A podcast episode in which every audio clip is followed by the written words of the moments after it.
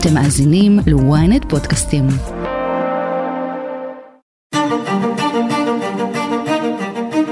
הערב אנחנו מציינים חודשיים לתחילתה של המלחמה.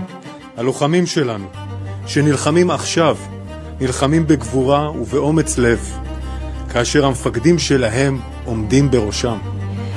אחרי חודשיים של לחימה בעזה, וכשצה"ל נמצא בדרום הרצועה, אנחנו עוצרים לרגע לנסות ולנתח מה למדנו ממה שאירע עד כה. עד כמה אופן הלחימה של הצבא אפקטיבי, האם הליווי האמריקני יותר מסייע או יותר מגביל, מדוע שחרור חטופים באמצעות מבצעים מיוחדים הוא בעייתי מאוד, ומה חייב להיכלל בפתרון היום שאחרי. אני שרון קידון, וזאת הכותרת. נחום ברנע, פרשן ידיעות אחרונות, אני רוצה באמצעותך להבין מה למדנו מהפרק של הלחימה עד כה. בואו נתחיל מהערכה של הכוח של חמאס שהתחמש והתאמן מעבר לגבול. מכיוון שחמאס היה גורם שלטוני בעזה, בנוסף להיותו ארגון צבאי, ובנוסף להיותו ארגון טרור, יש אה, אה, אפילו קושי להעריך את מספר האנשים שאפשר לקרוא להם חמאס. ההערכות הולכות מ-50 אלף ל-30 אלף. מי שנשאר במרחב הזה הולך ויוצא החוצה, חלקו מפירים, חלקו גם מהבתים. אנחנו חוקרים ובודקים מי מקושר לחמאס ומי לא. עוצרים את כולם ומתחקרים אותם. תלוי איך אתה מתייחס נניח לשוטר אה, שהוא איש חמאס או לפקיד שהוא איש חמאס. ולכן יש כאן משחק מסוים במספרים. אני אומר עוד משהו, המשחק הזה, או הנפנוף במספרים של הרוגי חמאס, יש בו קושי גדול מאוד, ואנחנו יודעים את זה מההיסטוריה, כאשר האמריקאים היו בווייטנאם, בנקודה מסוימת בצר להם, הגנרלים האמריקאים הציגו את מספר ההרוגים של הווייטקונג כקנה מידה להצלחה שלהם בקרב. וכמובן הם נכשלו לגמרי, כי בעוד שהם הורגים אחד, וייטקונגי אחד, קמו עוד שלושה חדשים בווייטנאם. גם החמאס הוא משאב מוגבל ביסודו, אבל אה, יש לו יכולת להתרחב. ונניח שבעוד שאנחנו הורגים כך וכך חמאסניקים בעזה, נולדים חמאסניקים בגדה, או אפילו בדרום הרצועה, באותה מידה. אני רוצה לדבר על ההיערכות של השבעה באוקטובר, ועוד הרבה יעשה כדי לחשוף את כל אה, שרשרת המחדלים. אבל בגדול, אני חושבת שאחד הדברים הכי אה, קשים לעכל זה שמדינת ישראל החזיקה צבא מאוד חזק, ומודיעין שמתהדר בעצמו, וכל הדברים האלה, אחרי החשבונות שיעשו, למעשה יצטרכו להיות הרבה פחות אה, יהירים והרבה יותר צנועים, כשאנחנו רואים איך התמודדנו עם האיום הזה. יש כאן שתי שאלות נפרדות. קודם כל, באמת, אה, שאלת אה, המחדל המודיעיני. אה, המילה מחדל היא אפילו לא, היא לא די חזקה כדי לכסות את הפשלה הנוראה הזאת שהביאה לחורבן של השבעה באוקטובר. אפשר להשוות אולי את השבעה באוקטובר לחדר מלא באבני דומינו, והאבנים האלה מסודרות בזקופות אחת ליד השנייה, ואז בא מישהו, במקרה הזה יחיא סינואר, ומקיש על אבן אחת, ואז כל החדר המלא באלפי אבני דומינו שנשכבות. הבעיות שנוצרו כתוצאה מהחורבן של השבעה באוקטובר הן רבות מספור והן תלווינה אותנו בשנים הבאות ברמה שלא הכרנו כמוה, הרבה יותר מאשר מחדל יום כיפור 1973. אבל לגבי המודיעין אני רוצה לומר דבר אחד שהוא הוא, לדעתי מעניין והוא קצת שונה ממה ש... מכל הניתוחים והגילויים שראינו עד עכשיו. הפטנט שבו התנהל תרגיל ההונאה של אה, אה, חמאס היה מאוד פשוט. הכל היה גלוי לעין. ומה שגלוי לעין לפעמים הוא הדבר הכי אה, אה, סמוי מן העין כאשר אתה עושה הערכות מודיעין. ולכן לא הייתה בעיה להקרין בלילות הרמדאן סרט שתיאר בדיוק מה הם הולכים לעשות, ולא הייתה בעיה לעשות תרגילים ואימונים על הגבול, והתצפיתניות כמובן ראו הכל, אבל זה בכלל לא משנה. ההתייחסות במודיעין הייתה שמה שאתה מגלה בכל מיני פטנטים דיגיטליים, הוא הרבה יותר משמעותי ממה שאתה רואה במו עיניך. ופה היה עיוורון. עכשיו, מעבר לזה, היה פה פשוט מחדל בט"ש שהוא לא ייאמן. זאת אומרת, ביטלו את כל המהלכים האלמנטריים אה, שצריכים להיעשות יום-יום במקום, בחזית שהיא מול אויב, וגם זה מוביל למסקנות אה, מאוד מרחיקות לכת. אני מניח שבתום השלב הזה נתחיל להגיע להערכה אמיתית מה צריך לעשות כדי אה, שהדברים האלה לא יישנו, והדבר הראשון הוא שכל מי שהיה מעורב בזה צריך להתקבל וללכת לגמלאות, ויפה שעה אחת קודם. הגדרנו את מטרות המלחמה בצורה מפורשת. לחסל את החמאס, לשחרר את חטופינו, ולהבטיח שביום שאחרי החמאס, עזה לא תהווה עוד איום על ישראל. בואו נדבר על הצד השני, האם מדינת ישראל בהבטחה שלה למוטט את שלטון החמאס ולחסל את ראשי החמאס לא יצרה איזושהי הבטחת יתר? המטרות כפי שהן נוסחו אה, ב-7 באוקטובר או, או למחרת, היו לא בנות השגה, היו מעבר ליכולת ההשגה שלנו. עכשיו, אני מוכרח לומר אה, שזה לא קורה פעם ראשונה. לפי דעתי, בכל המצוקות שנקלענו אליהן צבאית במהלך השנים, ההגדרה, הניסוח המיידי מצד הדרג הפוליטי נקב במטרות שאי אפשר לממש אותן. מוגזמות מבחינת היכולת למימוש. ולכן אני, אני לא רואה פה בעניין הזה אה, איזה פשע שהלכו על, אה, על מטרות מוגזמות, אבל אסור להתייחס לאמירה שהיא אה, בלהט המצוקה, בלהט הקרב, בלהט הרגע, אה, כאל דבר רציני. הצבא בעניין הזה נהג יותר באחריות, והוא דיבר על פירוק היכולות של החמאס, וזאת מטרה בת השגה. גם היכולות הצבאיות וכמובן גם היכולות השלטוניות. Uh, the beginning of the uh, pause will be 7 a.m. Friday, the 24th of November. בואו ניגש לסוגיית החטופים ולסוגיית העסקה. בואו נתחיל מזה, היו דעות לכאן ולכאן לגבי קטאר. בסופו של דבר, קטאר הוכיחה את עצמה בעיניך? עוד לפני שנגיע לעסקה, צריכים לדבר, על, אני חושב, על סדר הקדימויות במבצע צבאי כזה. ההגדרה הראשונית דיברה לפי מיטב זיכרוני על חמש מטרות למלחמה, אף אחת מהן לא הזכירה את שחרור החטופים. וכאן הייתה, היה פה איזה סוג של עיוורון, של ליקוי מאורות מסוים, שתוקן בהמשך. אבל עדיין הוויכוח על השאלה מה קודם למה, ההשמדה של חמאס או שחרור החטופים, הוויכוח הזה מלווה את המלחמה מיומה הראשון או השני, והוא ויכוח שהוא מורכב בגלל שטוען הצד שמעדיף את הקדימות של המלחמה, של הפגיעה בחמאס, הוא טוען שהלחץ על החמאס גם מניב שחרור חטופים נוספים. יש בזה כמובן אמת מסוימת, אם כי הרבה מאוד דברים גורמים לסינואר להחליט מה שהוא מחליט, יש פה לחצים שונים שמופנים עליו. לגבי העסקה, אה, ראש ממשלת קטר מלכתחילה הלך בעצם המתווה כפי שבוצע בסופו של דבר, לא היו בו שינויים מהותיים. מה שהיה מבורך הוא שבמתווה הזה היה איזה מין סוג של אקורדיון. אה, הוא דיבר על 50 או 52 באפשרות להערכה לעוד שתי תחנות.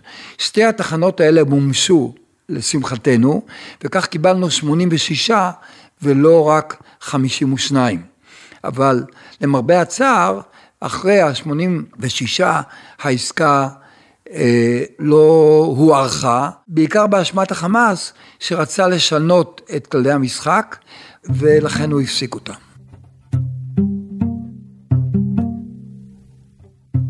מיד נמשיך עם הפרק, אבל לפני זה אנחנו מזכירים לכם להצטרף לקהילת הכותרת, לעקוב אחרינו באפל או בספוטיפיי, ותקבלו עדכון בכל פעם שעולה פרק חדש. United States is putting immense pressure on Israel because diplomatically it's costing. Anthony Blinken said about a week ago that Israel's credit uh, with the United States is beginning to run out. For the moment, the United States is prepared to play on with Israel to give it a bit of leeway. בוא נדבר על הגורם האמריקני בלחימה הזאת, המעורבות שלהם היא חסרת תקדים, אבל יש לזה משמעות להמשך הלחימה. עד כמה נוכל להילחם, אשראי הזמן שעומד לרשותנו.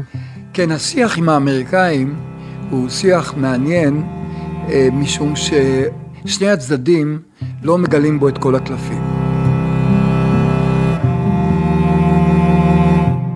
קודם כל נתחיל מזה שהשלב הראשון של הפעולה הקרקעית עד להפסקת האש היה כרוך למרבה הצער בבזבוז אדיר של אה, חימושים, מה שנקרא, גם בחיל האוויר, גם בקרקע, וכתוצאה מזה הצורך של ישראל באספקה אמריקאית מיידית הלך והחריף. הצורך של צה"ל בהפסקת האש היה מובהק.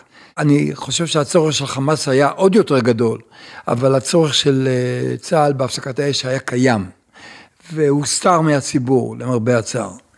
עכשיו, לגבי ההמשך, שוב, האמריקאים מחזיקים בהרבה מאוד, אה, הייתי אומר, מנופי לחץ על ישראל. קודם כל, באמת, הרכבת האווירית הזאת, שמספקת לישראל חימושים, היא לא רק חשובה, היא חיונית להמשך הלחימה.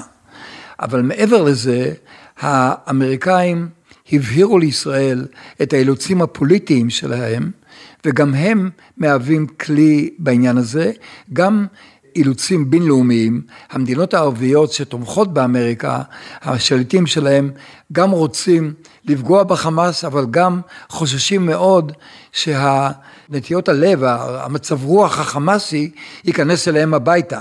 זה נכון לגבי מצרים, זה נכון לגבי ירדן, זה נכון גם לגבי האמירויות וסעודיה. עכשיו, הלחצים הפנימיים באמריקה הם מאוד מאוד מאוד הייתי אומר, בעייתיים מבחינת הנשיא ביידן והבית הלבן, כי מדובר בשנת בחירות ומדובר באגף הפרוגרסיבי במפלגה הדמוקרטית, שנעשה מאוד מאוד פעיל, ומדובר בבוחרים צעירים, שהם לצערנו, הם בצד לא שלנו, של התמיכה או ההתנגדות למלחמה הזאת. מה המשמעות מבחינת אה, אשראי הזמן שיש לישראל ממה שלמדנו עד כה? כי יש להם מעורבות מאוד גדולה, אבל גם מדינת ישראל כן משרטטת את הגבולות של ההחלטות הריבוניות שלה. שעון הזמן הוא, הוא כמובן נתון בידינו, אבל הוא, אה, הקצב שלו מאוד מושפע ממה שאומרים לנו בעיקר האמריקאים, לא ככה הארגונים הבינלאומיים, אבל בעיקר האמריקאים.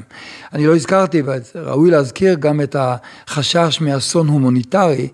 בעזה, שאולי יועיל במידה מסוימת לשבור את חמאס, אבל הממשל האמריקאי לא מוכן לקבל את זה, לא מאוד מאוד מאוד מודאג מאסון הומניטרי בעזה. התוצאה של כל המערכת לחצים המורכבת הזאת היא זאת שבין שבועיים לשלושה גג חודש יש לישראל כדי לסיים את הסיפור הזה. השבועיים הם לא דבר מקרי שאני מזכיר, משום שהוא היה קיים גם בשיקולים כאן, של הדרג המדיני ושל הצבא. אבל נניח שהשבועיים האלה ניתנים, אפשר למתוח אותם, אבל אי אפשר למתוח אותם בלי גבול. גם בשעה זו כוחות צה"ל מעמיקים את הלחימה במרכזי הכובד של חמאס בדרום הרצועה ובצפונה. אנו נמצאים בעיצומה של לחימה עיקשת לאורך כל הרצועה.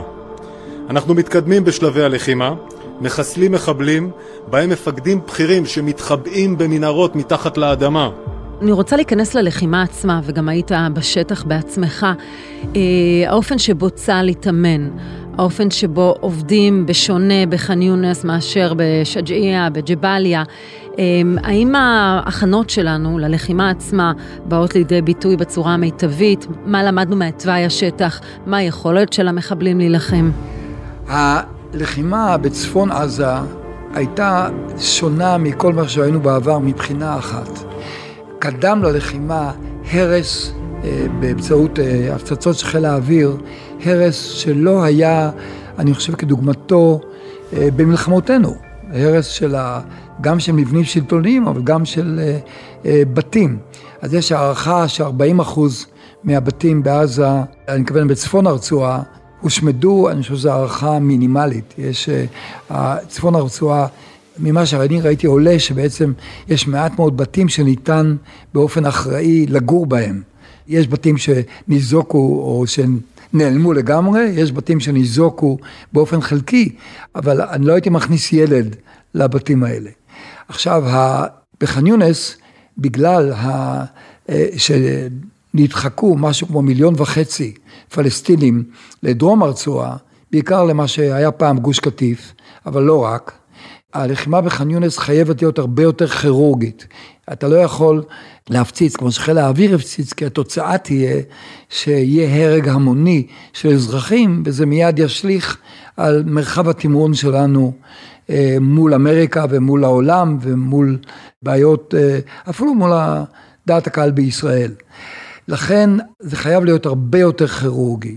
והכירורגיה מתבטאת בכך שיש שכונות בח'אן יונס שלא נפגעו, ויש שכונות שנפגעו באופן קשה, באופן אה, כבד.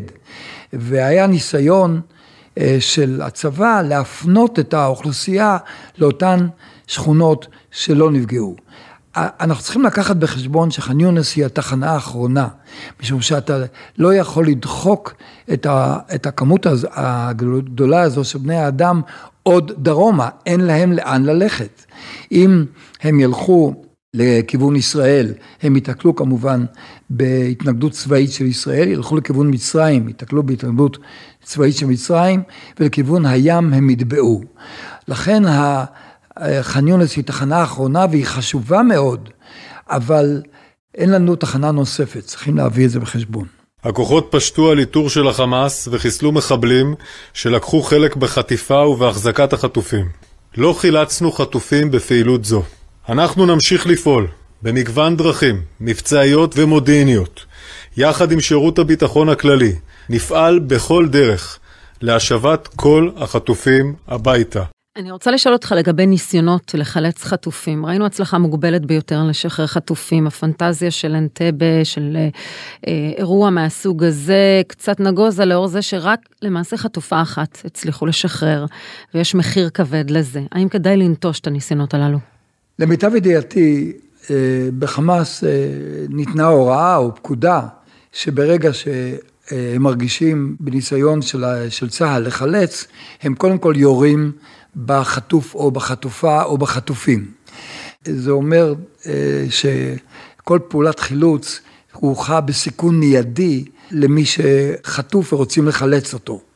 זה מאוד מאוד מקשה על אה, מחשבות לחילוץ. כמובן שאם יהיה מצב שבו אנשי חמאס ששומרים על חטופים ייכנעו, אה, יסגירו את עצמם, אז החטופים, וזה יהיה משמח ביותר, יוכלו להיחלץ ולחזור הביתה. אבל אני חושב שמה שאפשר היה לחשוב בהתחלה כדרך פתרון, זאת אומרת, לחלץ אותם באמצעות אה, התקפה של חיילים על אותו מקום, היום הדבר הזה הוא הרבה הרבה יותר מסוכן.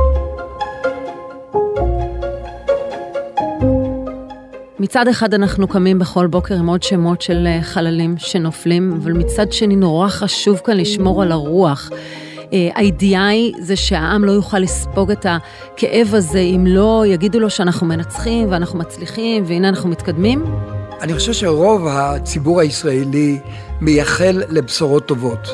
וגם הדרג המדיני, גם חלק גדול מחברינו בתקשורת, מאוד רוצים לספק לציבור את המנה הזאת, וזה לגמרי מובן. אבל מלחמה שמתארכת, והמלחמה הזאת מתארכת מאוד. היא מתארכת גם בגלל שיקולים פוליטיים של הדרג המנהיגותי בישראל, אבל גם בגלל סיבות אובייקטיביות. ככל שהיא מתארכת, ככה הצורך להבין עד הסוף את המציאות כפי שהיא על כל קשייה, והקשיים הם לא רק כרוכים במספר החללים בצד הישראלי, שזה אה, כמובן מאוד מאוד חשוב, אלא גם כרוכים במחיר הכלכלי, במחיר המדיני, אה, בהרבה מאוד דברים.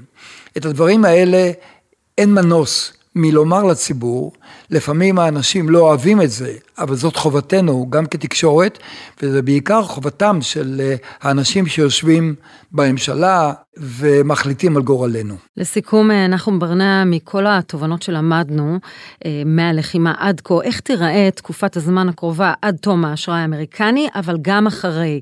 מה חייב לכלול הפתרון ליום שאחרי? השאלה של היום שאחרי מלווה אותנו מהיום הראשון, ואת יודעת, במלחמות, מי שלא חושב על היום שאחרי, הוא בת יענה, הוא טומן את ראשו בחול. אה, ובגלל כל מיני אילוצים פוליטיים, שאת יודעת אותם, ההנהגה הפוליטית נמנעת במכוון מלקיים דיון על היום שאחרי. זה לא אומר שגם בצבא, גם במל"ל, גם בשב"כ, אנשים לא דנים ביום שאחרי, יש דיונים כאלה, אבל נאסר על, ה, על מקיימי הדיונים להציג אותם לדרג המחליט, לדרג הפוליטי, זאת בעיה גדולה מאוד. מי שכן מתעסק ביום שאחרי, ומתעסק הרבה, זה האמריקאים. הם מקווים, או קיוו לפחות, שיהיה איזה קונסורציום של מדינות, רובן מדינות ערביות סוניות, אולי ייקח על עצמו את הניהול של הרצועה אחרי, יחד עם גורמים פלסטינים שאינם חמאס. עכשיו, ישראל מתנגדת, כמה שאני יודע, למעורבות של גורמים פלסטינים, אם כי היא מדברת עם האמריקאים בשיחות סגורות אה, על כל מיני אפשרויות. במילים אחרות, אה, השאלה של היום שאחרי היא שאלה דוחקת וחשובה, וחבל מאוד שהיא לא נדונה בהרחבה. נחום ברנע, תודה רבה לך על השיחה. תודה רבה לך, שרון. ועד כאן הכותרת להפעם. אם עדיין לא נרשמתם לעקוב אחרינו באפל או בספוטיפיי, כדאי לכם. אתם מוזמנים לדרג אותנו או להגיב לנו. את הכותרת אפשר למצוא גם באתר ynet או באפליקציה, בנייד וברכב. אם הגעתם עד פה, אתם מוזמנים להאזין לפרק נוסף שלנו על החיילים שנמצאים בשטח, ראו את הזוועות ומקבלים את פני החטופים. חפשו את הפרק, כאב של לוחמים. היחידות ביקשו קב"ן ביום הראשון למלחמה. תחקיר הפקה ועריכה, גיא סלם ועדן דוידוב, סאונד עמרי זינגר. אני שרון קידון, שמרו על עצמכם.